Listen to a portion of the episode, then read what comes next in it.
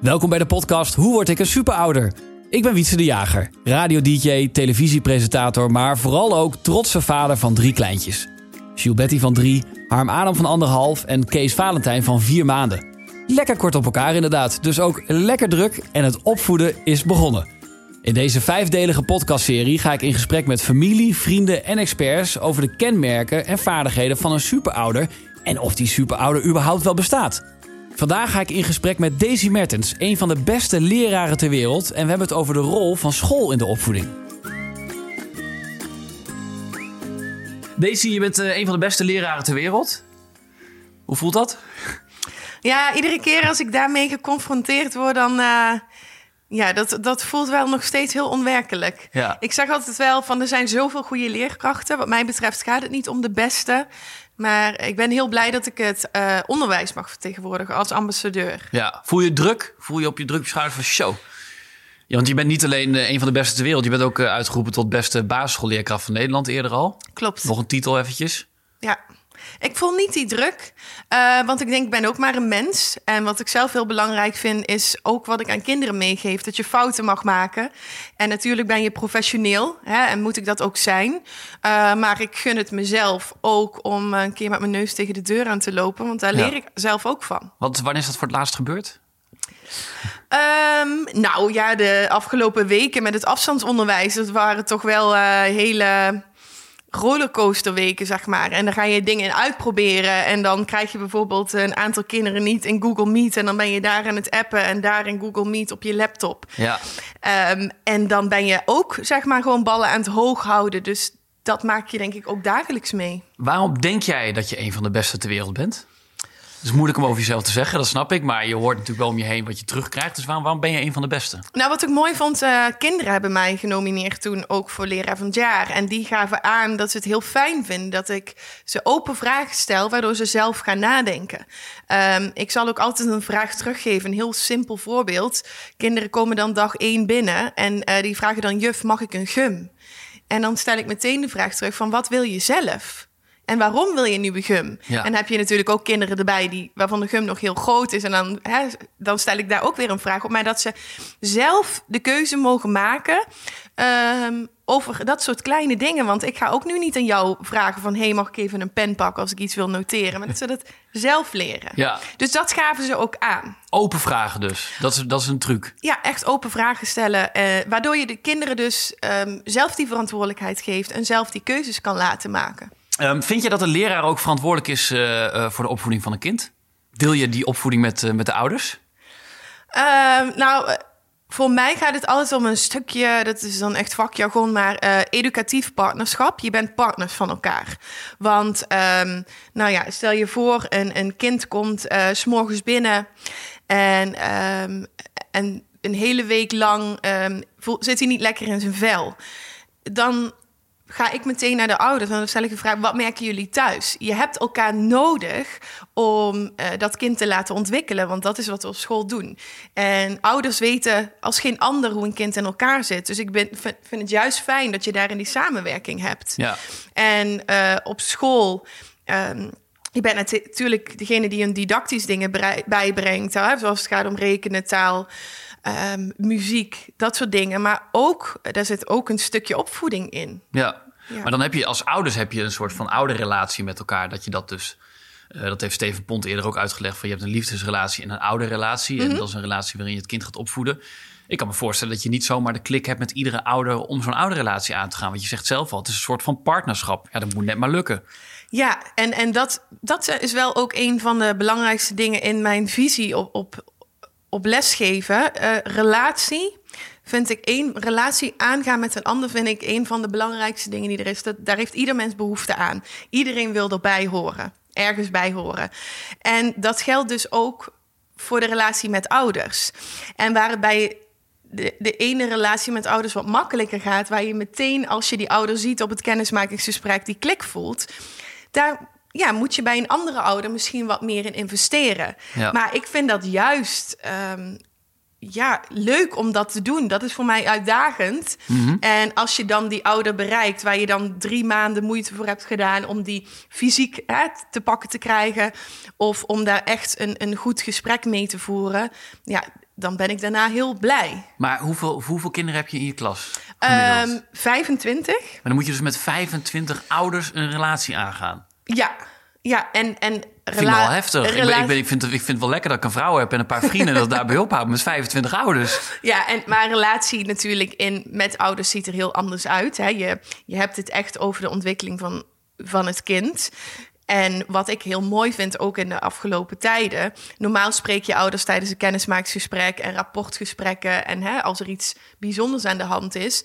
Maar heel, het mooie van afgelopen week is dat ik ouders, ik geef les in groep 7, 8 dan bijna dagelijks sprak. En dat is heel kort en klein. Mhm. Of even aangeven van... oh, wat fijn dat uw uh, zoon vandaag zo actief meedeed. Ehm, dat zijn de kleine dingen, maar waarmee je wel werkt aan die relatie. Ja. Krijg je ook vaak uh, tegengeluid? Want nu, nu dus de positieve variant hè, van het fijn dat mhm. uw zoon zo goed heeft meegedaan. Ja. Maar er zijn natuurlijk ook dat je af en toe tegen een ouder moet zeggen van... nou, hij zat, het lukt niet echt of zo, of hij wil niet echt, of hij is een beetje dwars. Krijg je dan vaak tegengeluid of zijn ze altijd wel meegaand? Nou, ik, ik probeer dan ook de vraag te, terug te stellen van herkent u dit? En 9 van de 10 keer is het heel herkenbaar. En die ene keer dat het niet herkenbaar is en ouders ervan schrikken, ehm, zorg je dat je ook weer heel erg na, daarna vraagt van hè, wat, wat baart u dan zorgen? Waarom schrikt u hiervan? Um, en vaak kom je dan toch op het punt dat er misschien thuis iets is voorgevallen. Of na school met een vriend of vriendin waar ze ruzie mee hebben. Dus dan kom je, je gaat samen op zoek naar... Verwacht je dan ook van een ouder dat die dat zegt? Dat, dat bijvoorbeeld er is thuis een ruzie geweest of zo. Dat moet je ook maar even aan de neus van de juf uh, hangen. Ja, nee, ik verwacht dat zeker niet. Um, het is wel helpend als ouders mee op zoek gaan naar wat zou er aan de hand kunnen zijn. Ja. Um, en, en dat is denk ik wel belangrijk om uiteindelijk ervoor te zorgen dat kinderen echt openstaan om te leren. Stel je voor dat um, er een uh, kind is, die heb ik toevallig ook in in de klas, die moet iedere ochtend moet hij voor zijn broertje zorgen. Dus hij komt heel vaak te laat. Ja. Um, maar doordat ik dus aan hem vraag van hoe komt het dat je te laat bent? En ik zeg niet meteen, je bent te laat, zoals ik dat gewend was op mijn middelbare school. Um, weet ik dat, dat hij voor zijn broertje moet zorgen. En als ik dan die ouders spreek, en ik vraag daarna van hoe gaat dat dan? Dan kom ik er eigenlijk achter dat moeder in een hele moeilijke situatie zit. Dus dan krijg je daar ook meer begrip voor. Natuurlijk ga je op zoek naar oplossingen, want die zijn nodig. Want je wilt gewoon dat hij op tijd is. Maar echt het verhaal erachter. Ja, ja. En dat is dus vroeger blijkbaar minder gebeurd misschien. Was daar minder interesse naar? Want jij zegt zelf al, bij mij op de middelbare school... ik herken dat ook meteen. Mhm, mhm. Ja, gewoon, dit, is, dit zijn de regels, je mond houden. Ja, ja, ik, ik denk dat daar wel in. Is dat een nieuwe generatie leerkrachten die dat zo doet? Of? Ik denk ook dat we als hele maatschappij meer bevragend zijn dan normaal. Wat je zegt, hè? eerst waren er gewoon regels, het was discipline en iedereen was streng. En nu um, gaat het meer, zoals ik mijn klas ook altijd noem, is een soort mini-maatschappij. Ik denk dat we meer bewust zijn van uh, op school oefen je eigenlijk in het klein hoe het er later in de grote mensenwereld aan toe gaat. Mhm. En dan zit daar misschien ook een stukje in, in dat ik niet meer de autoritaire leerkracht wil zijn. Dat wil ik ook niet, maar dat past ook niet bij mij. Maar ik denk ook niet meer dat het past bij Ehm, de wereld van nu. Um, ik, ik ga ook uh, iedere week, en dat doen we dat uh, op onze hele school, gaan we met kinderen bespreken wat ging er goed deze week, wat kan er beter. En dan komen we democratisch tot een nieuw verbeterpunt voor die week daarna. Dus ja. eigenlijk de, de stem van iedereen telt mee. Ja. En dat is ook wel een beetje de tendens, hè? nu ook in de, in de maatschappij. Maar dat heeft wel grenzen ook, toch? Denk Zeker. ik. Want ik heb met mijn vader ook gesproken in deze podcast. Die verbaast zich af en toe. Dat is meer op het opvoeden gericht dan over de, uh, ja, zeg maar de, de overleggeneratie, mhm. als het ware. Van hij denkt, joh, uh, jij had nooit acht kinderen kunnen opvoeden. Ik kom uit een gezin van acht. Jij had mhm. nooit acht kinderen kunnen opvoeden. Want als ik zie hoeveel jij wel niet overlegt en hoeveel ruimte je geeft zeg maar, aan je kind, je moet ook kaders stellen, toch? Dat is ook goed voor een kind. Ja, absoluut. Ik. Um vind het altijd belangrijk om die positieve grenzen aan te geven aan kinderen. En um, Noem eens een voorbeeld. Nou, een, ander verschil is wel dat je uh, met kinderen bepaalde normen afspreekt. Stel je voor, je komt binnen, uh, schooldag 1, en ik bepaal wanneer kinderen fruit mogen eten of naar de wc mogen gaan. Of um, als ik dat bepaal, is het van mij. Maar als we samen gaan overleggen van oké, wanneer is een handig moment om naar de wc te gaan? Dan zegt ieder kind, ja, Dat doen we natuurlijk niet tijdens de instructiejuf, want dan luisteren we naar jou. Maar dan wordt het iets van henzelf. En dan wordt het vanuit een bepaalde verbondenheid en saamhorigheid doe je iets. En dat is dan meer een ritueel. Ja. Eh, rituelen zijn heel erg belangrijk om balans te hebben en rust. En ehm, Dat geldt ook voor thuis, denk ik. Precies, juist ook in het ja, gezinsrituelen. En nou, dat klinkt allemaal zo rituelen, maar ritueel is gewoon iets met een bepaald achterliggend doel. En ehm, het is ook heel persoonlijk. Dus waar je een regel oplegt, eh, krijg je bij een routine echt meer die verbondenheid. Dat doe je echt gezamenlijk. Ja. En dan is het eigenlijk een bepaalde cultuur die het wordt. Dan is het niet, oké, jij mag nu dit niet. Kinderen weten donders goed eh, hè, wanneer het handig is om eh, iets te doen. Of dat ze tijdens een instructie beter niet naar de wc kunnen gaan Ja. of zo. En als ze dat toch doen, dan laat ik dat ook gebeuren. En dan reflecteer ik daarna met hen op. Maar soms laat ik ze ook niet gaan. Dan zeg ik, ik ben nu instructie aan het geven. Ja. En omdat je het samen besloten hebt, heb je misschien alsnog die helderheid en, en Ja. die grens. Maar je hebt het wel samen besloten. En dat Precies. maakt het dan helderder. Het is hetzelfde voorbeeld als dat je baas eh, of leidinggevende iets zegt van jij moet dit doen. Dat voelt toch heel anders dan dat je in een teamvergadering samen het hebt over oké, zo hoe gaan we het aanpakken en dan ga je het doen. Dat, dat maakt wel degelijk verschil. Onderschatten ouders hun eigen rol ook? Want eh, dat, ik hoor dat wel vaker uit onderwijs eh, terugkomen van leerkrachten van poeh. eh, we, zijn geen, we zijn geen papa en mama. Het komt allemaal maar bij ons op het bordje terecht, Mhm. zeg maar. Doen ze thuis nogal wat daar? Ja, ik denk dat dat wel echt afhankelijk is van de thuissituatie. Je hebt natuurlijk ehm, gewoon verschillende soorten ouders. Ehm, en je merkt daarin op school ook wel heel erg verschil of ouders echt, ja, hoe, hoe zeg ik dat? Ehm, heel betrokken zijn bij de opvoeding. Of juist ouders die bijvoorbeeld heel veel werken en waar het kind heel erg van zichzelf op aan moet. En het verschil merk jij meteen. Die kinderen kun jij zeg maar als, als het ware zo aanwijzen in de klas. Dat je denkt van, hé, hey, jij hebt een betrokken ouder bij de opvoeding... en jouw, jouw ouder zal heel hard werken. Ja, niet altijd, maar ook samen met die oudergesprekken dan kan je dat beeld wel vormen. Ja. Maar je, je merkt het wel. Waar Ehm, merk je het aan bij een kind? ehm, bij bijvoorbeeld één leerling die dan heel veel aandacht vraagt. Ehm, juist een, leerling is die meer de, de grenzen opzoekt.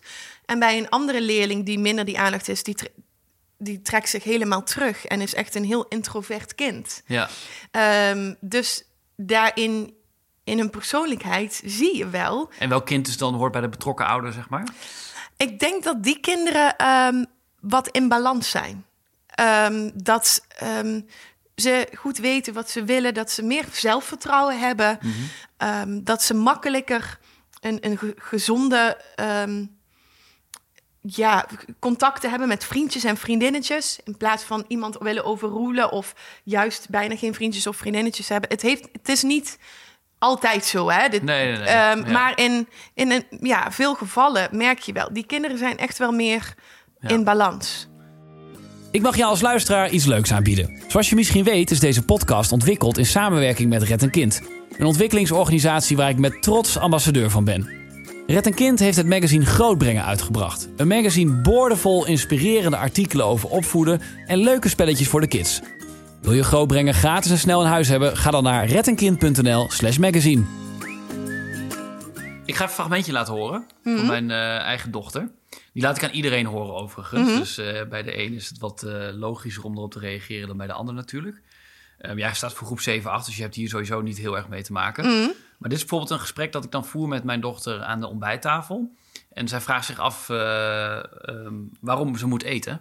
Oké. En Mhm. eh, ja, dat is duidelijk, want anders kan ze niet spelen natuurlijk. En dat gaat dan zo. Waarom kan je dus niet eten? Nee, Waarom niet genoeg eten hebben? Nou, je moet, als, je, als je wil spelen heb je eten nodig, want daar zit energie in. Zonder, zonder eten kun je niet spelen. Waarom? Nou, omdat in eten gewoon allemaal voedingsstoffen zitten. Waarom? Ja, omdat wij dat nodig hebben als mensen. Waarom? Omdat ik, wat ik zeg, dat we anders geen energie hebben. Waarom? Omdat we niet eten. Waarom? Je moet eten hebben, anders eh, kun je niet leven. Heeft een men... Nou, dat zeg ik toch. Die zit duidelijk in de waarom-fase, ja. Doe ik dit goed, denk je? nou, weet je, ik denk dat kinderen in die fase dus heel nieuwsgierig zijn. En soms denken we, hou nou op met je waarom. Maar ik denk dat zij, ik weet het niet, hè, maar dat, ehm, dat ze in die leeftijd een, een beeld aan het vormen zijn waarom ze bepaalde dingen doen of, of waarom bepaalde dingen zo zijn. Dus ik vind het altijd wel juist interessant. Gewoon in meegaan dus, denk je. En blijven antwoorden en blijven antwoorden. Ja, maar je hebt natuurlijk daar ook in, in die grens, hè? Want, Ja. eh, en je voelt zelf natuurlijk wel aan als ouder of een kind dat vraagt uit nieuwsgierigheid of omdat het gewoon uitstel is van bepaald gedrag. Ja. Dat voel je wel aan. En op een gegeven moment, als je dat merkt, dan kun je daar wel weer je grens aan geven. Ehm, ik, ik verlies mijn beheersing ook wel eens. Ik heb een dochter van drie. Dan word ik wel eens boos. Ze zit in een leeftijd dat ik haar af en toe wel eens achter het behang kan plakken. Jij zit dag in dag uit in contact met kinderen. Word je wel eens boos? Verlies je je beheersing wel eens? Nee, ik verlies nooit mijn beheersing. Ik vind daarin eh, dat ik ook professioneel ben. Ehm, ik denk, en dat zeg ik dan ook meteen, als, als ik iets heb waar, waar ik dan niet blij mee ben of wat geïrriteerd over ben, dan zeg ik dat ook. Jullie merken nu aan mij dat ik dit echt niet fijn vind of dat ik dit echt vervelend vind. Dus dat geef ik ook aan. Want kinderen zien natuurlijk de hele dag, die kijken naar jou en die zien meteen hoe jij je voelt. Of dat blij is of, of boos of bang. Dus ik vind het ook belangrijk om dat wel met de kinderen te delen. En dan is het ook goed. En dan weten ze vaak ook wel van... oké, ik laat de juf maar even met rust. Of sommige kinderen, zeker op de leeftijd die ik dan lesgeef... komen ze daar dan ook op terug. Ja, ik heb ze wel schreeuwend voor de klas gehad vroeger ook.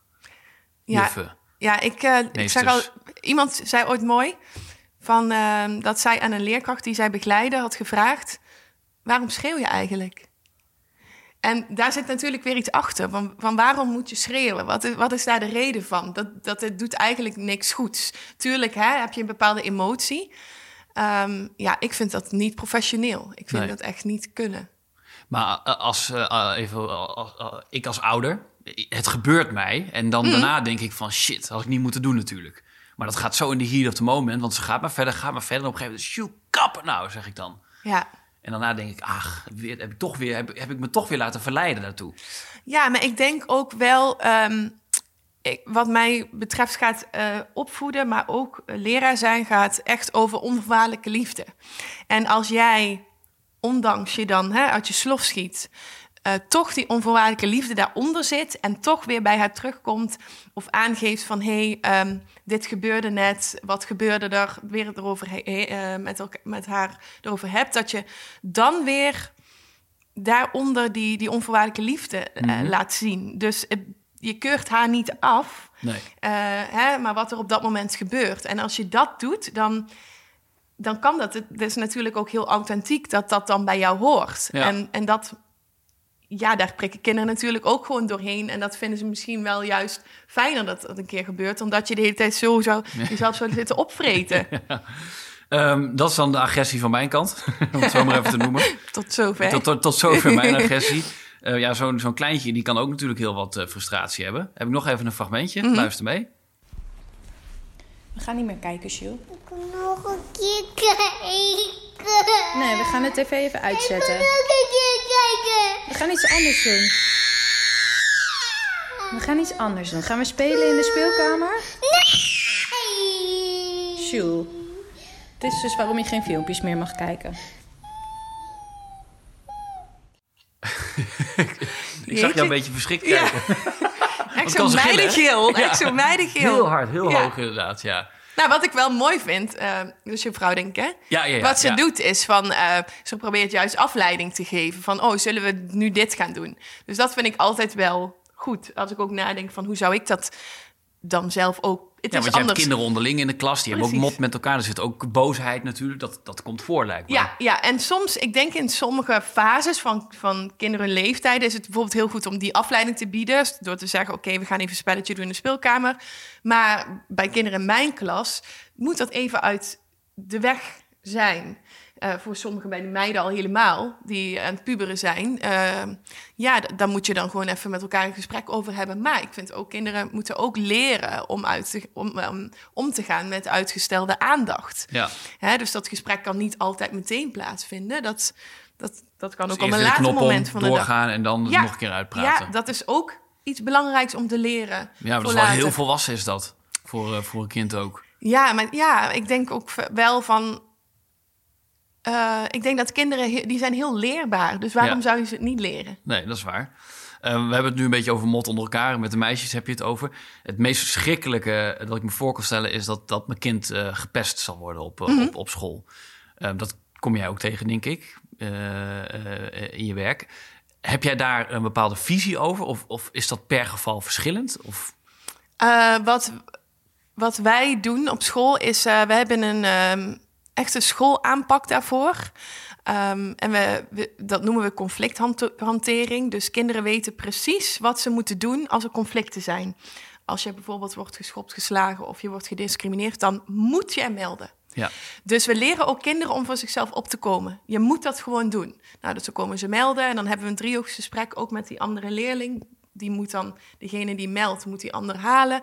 En dan vragen we, waarom deed je dit bij mij? En nou, dan komt er dus uit, ehm, nou, daarom en daarom. En dan geven we ook wel daarvoor consequenties. Dan is er een time-out. Of we hebben echt daarin wel een, een waterdicht ehm, systeem... Ja. waardoor je eigenlijk dat voor bent.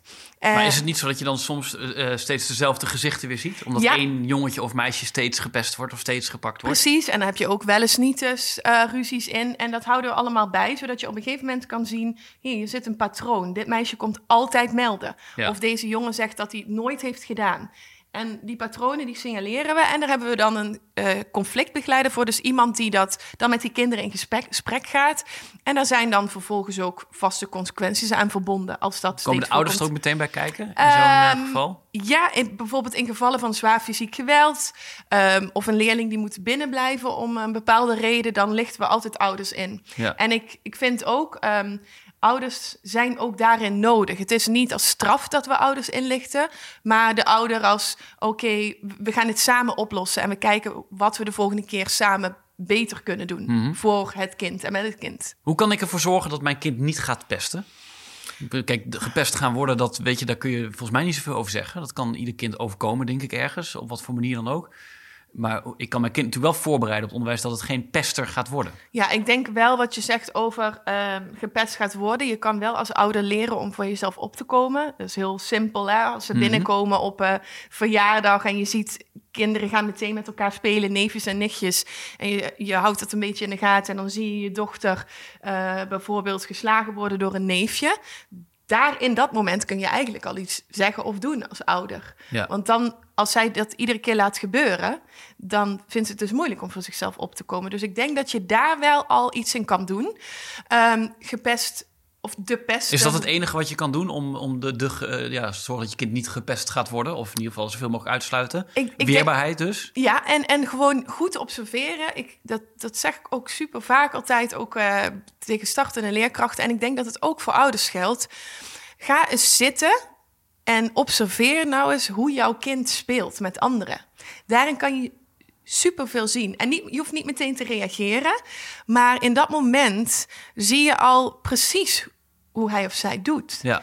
Dat hij Ehm. dus niet voor zich opkomt? Of dat hij. En wat zijn nog meer signalen? Wat, wat, waar, waar, moet alarm, waar gaan alarmbellen af? Ehm, bijvoorbeeld meteen heel boos worden, zou ik denken, en weglopen. En vervolgens niks meer met die emotie doen, want dan ga je die dingen opkroppen. Dat, ja, dat, is- dat kan ook een signaal zijn. Als je bijvoorbeeld de andere kant van het verhaal, van hè, degene die dan de pester zou kunnen worden. Ik denk dat dat ook wel kinderen zijn die ehm, juist heel goed voor zichzelf op kunnen komen. Hè? Dus toch meteen ehm, ja, op gaan slaan. Of, eh, Ja. En ik, ik denk ook dat je als ouder en ook in de relatie die je hebt met, met je vrouw of man, dat je daarin ook al het goede voorbeeld kan geven van hoe communiceer je dan met elkaar als je een meningsverschil hebt. Daarin geef je ook heel veel af aan je kinderen. Daarin zien zij eh, hoe jij een conflict aanpakt. Dus je bent daar ook echt wel een rolmodel in. Ja.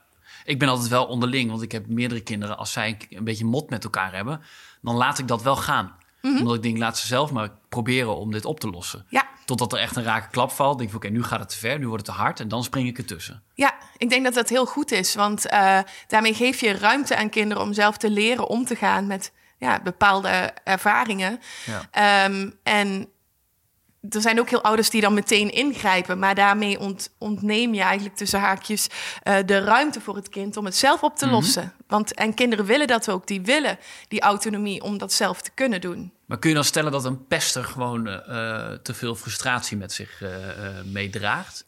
Dat er niet uitkomt? Opgekropt Ehm. door misschien een thuissituatie of misschien niet goed kunnen uiten en dat hij dat dan botviert op een ander kind? Dat vind ik lastig, maar wat eh, lastig om te zeggen of dat zo is. Uh, maar wat je natuurlijk veel ziet ook uh, op tv en op internet zijn hè, degenen die uh, een, een, school binnenlopen om daar anderen af te slachten. Dat zijn vaak wel degenen die waar vroeger weinig naar geluisterd is of uh, hè, die, die, die bepaalde frustraties hebben. Dus dat vind ik ook een, een opdracht voor ouders, maar ook leraren om goed te luisteren. En uh, wat is goed luisteren dan? Dat is echt horen wat je kind of je leerling in de klas zegt. En, en sommige zeggen we wel oh, dat we goed luisteren naar ons kind. Maar is dat echt zo? En ben je, hoe open kijk je dan? Ja. Heb je dan al meteen je mening als ouder of vanuit je opvoedkundige kant? Want wat is goed luisteren? Um, ja, um, vanuit uh, oordeelvrij luisteren dus. Even alles wat jij in je hoofd hebt. En dat vind ik altijd zo mooi aan kinderen. Uh, en ik vind dat we dat ook kunnen leren van kinderen. Uh, wij hebben natuurlijk al een hele rugzak aan bagage en ervaringen. Als we ouder zijn of leerkracht. We hebben dingen meegemaakt vroeger op school, op de middelbare school. Misschien hebben we een hele vervelende situatie thuis gehad of is er iemand overleden. Dat vormt je allemaal. En vanuit daaruit denken en handelen we. Dus soms misschien wel uit angst. Soms juist omdat je heel vrij bent opgevoed. Um, maar wat mooi is aan kinderen, die hebben die ervaring nog niet. Dus die denken daardoor ook heel vrij en open, zonder al die oordelen en al die meningen. En dus eigenlijk zouden we soms gewoon moeten zijn zoals kinderen, want die kunnen echt heel open daarin staan. En die, ja, dan, dan zet je eigenlijk je hoofd uit, ja. als het ware, om wat daar allemaal in zit. En dan luister je als een kind zegt van... Um, ik had laatst ook een voorbeeld in de klas. Jongen die echt totaal niet luisterde. En um, ik probeer ook altijd te kijken, wat zit erachter? Wat, wat, wat zit er achter dat gedrag? Waarom Mhm. doet hij zo? En daar praat ik dan met hem over. Ja, juf, je weet toch dat ik het uh, heel, heel moeilijk vind om uh, stil te zitten. En dan moest ik ook nog uh, heel lang luisteren. En, en dan denk ik, ja, vanuit zijn perspectief is dat ook gewoon zo. Ja. Dus probeer je daar dan in te verplaatsen. En doe je daar dan wat mee de volgende keer? Ga jij dan je gedrag aanpassen? Omdat hij daar niet mee Niet altijd. Kan? Dat is echt situatieafhankelijk. Ja. In dit geval was hij degene uh, die zijn gedrag ging aanpassen. Want ik, zei, ik vraag wel altijd, hoe kan ik jou daarbij helpen? Mm-hmm. Uh, want ik ben natuurlijk degene ook die daar dan met hem in dat lokaal zit. Dus ik ben daarin, vind, voel me verantwoordelijk om hem daarbij te kunnen helpen. Nou ja, de volgende keer, uh, juf, dan uh, blijf ik, probeer ik gewoon echt rustig te blijven. En wat ik dan meteen doe is, als er een volgende keer komt en hij blijft rustig, dan geef ik meteen een compliment. Dan zeg ik, Oh ja, wat goed, goed. dat jij Ja. hè, nu zo rustig kan blijven. Ja, en dan, dan gaan kinderen stralen. Ze hebben dat vertrouwen ook nodig. Ja. Dat ze dat die fouten mogen maken. En dat jij ook ziet dat En ze daar het is keer zo nog anders niet klaar. doen. Dat vind ik wel een mooi inzicht inderdaad. Want je zou denken, je geeft hem dat mee. En dan doet hij dat de volgende keer. Maar dan is nog wel even een recap om erom terug te komen. Tuurlijk. En, en drie Ja. weken later, als ik dat zie, dan, Ja. dan nog steeds krijgt Mooi. hij dat compliment. Ja. Ehm, ja, je biedt, je biedt kinderen toch een soort van toekomst. Hè? Je helpt ze verder. De gouden tip om het beste in een kind naar boven te halen. Ehm, ja, ik vind het altijd moeilijk om dat in één zin te vatten. Doe je best. Ehm, ik denk gewoon de, ja, de gouden tip. Jee, dat zijn er, mag ik er ook twintig geven? Eh, wat mij echt zoveel eh, passie geeft en, en zoveel energie ook om dat iedere dag te kunnen doen met die kinderen, is gewoon op te staan en tegen mezelf te zeggen: vandaag wil ik gewoon de beste leerkracht zijn voor die kinderen die er is. Misschien ben ik wel de enige die ze vandaag die veiligheid kan bieden. Misschien ben ik de enige van wie ze vandaag een compliment krijgen, maar ik wil dat voor ze betekenen. En ook als ouder kun je zeggen: vandaag ga ik gewoon de beste ouder zijn voor mijn kinderen die er is. En ehm, nou, maak hem nog een klein beetje langer. Ehm, ik probeer iedere dag tegemoet ge- te komen aan drie dingen. Dat zijn drie ba- psychologische basisbehoeften die ieder mens nodig heeft. En dat is, de een is verbondenheid. Dus kinderen het gevoel te geven, ik hoor erbij. Ook ik hoor erbij in mijn eigen gezin. Twee is kinderen het gevoel te geven dat ze zelf dingen kunnen. Dus dat zij ook ehm, komkommer kunnen snijden bijvoorbeeld. Of dat zij ook ehm, zelf eh, naar bed kunnen gaan of hun tanden kunnen poetsen. Hè. Dat zit in, echt in de kleine dingen, maar ook in de hele grote dingen. En tot slot is dus ze keuzes geven. Ehm, en ze daardoor ook fouten laten maken. Maar dat zijn drie hele heldere dingen. Ja. Deze kun je prima meenemen als ouder ook, als je, als je opstaat om aan je kind, eh, kind mee te geven. Ja, ja. Ehm, ik, als je zeg maar, ehm, even kijken hoor. Als ik mijn kind, kijk, mijn kinderen zijn nog jong. Ik heb een kind van drie die gaat volgend jaar naar school. Ik heb een kind, eh, een zoontje van anderhalf en een, Mhm. eh, een jongen van vier maanden.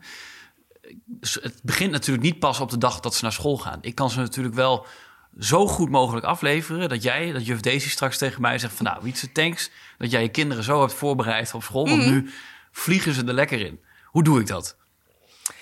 Ja, ik, ik denk gewoon ook vooral gewoon ze een hele veilige thuissituatie te bieden. Waarin je dus die drie, drie dingen die ik net noem steeds terug laat komen. Ik zou het dan minder belangrijk vinden of kinderen een bepaalde woordenschat van 3500 woorden zou- zouden hebben. Eh, ja, dat is ook fijn. Dat is juist fijn, want dan begin je natuurlijk al met een andere ehm, start van de taalontwikkeling. Eh, maar ik denk dat ehm, als jij een kind kan, ook kan meegeven dat het echt open staat om te leren, dat het intrinsiek ook dingen wil leren.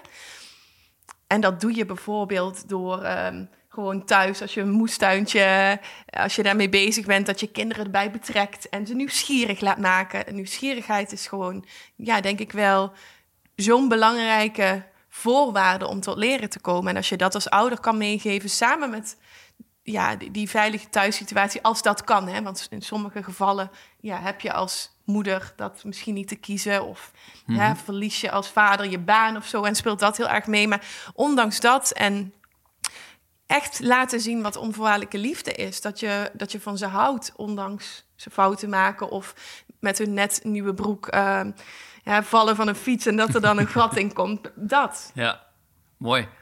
Eh, de luistermoeder, is dat op waarheid berust of niet? Nou, ik, het is heel erg uitvergroot natuurlijk. Ehm, ja, nee, het is heel erg uitvergroot. Ja. dat dacht ik al inderdaad. Als ik nu zo met jou spreek, zie ik ook niet, niet per se een eh, juf Ank voor me of zo. Nee. dat is helemaal niet het geval. Bestaan superouders? Want ik maak deze podcastserie toch onder de noemer van... kan ik een superouder worden? De een zegt van, iedereen is een superouder. Je hebt ook een superouder. Dan zegt superouders bestaan niet. Of misschien wel. Wat vind jij ervan? Ehm, Ben je ze tegengekomen in je werk al?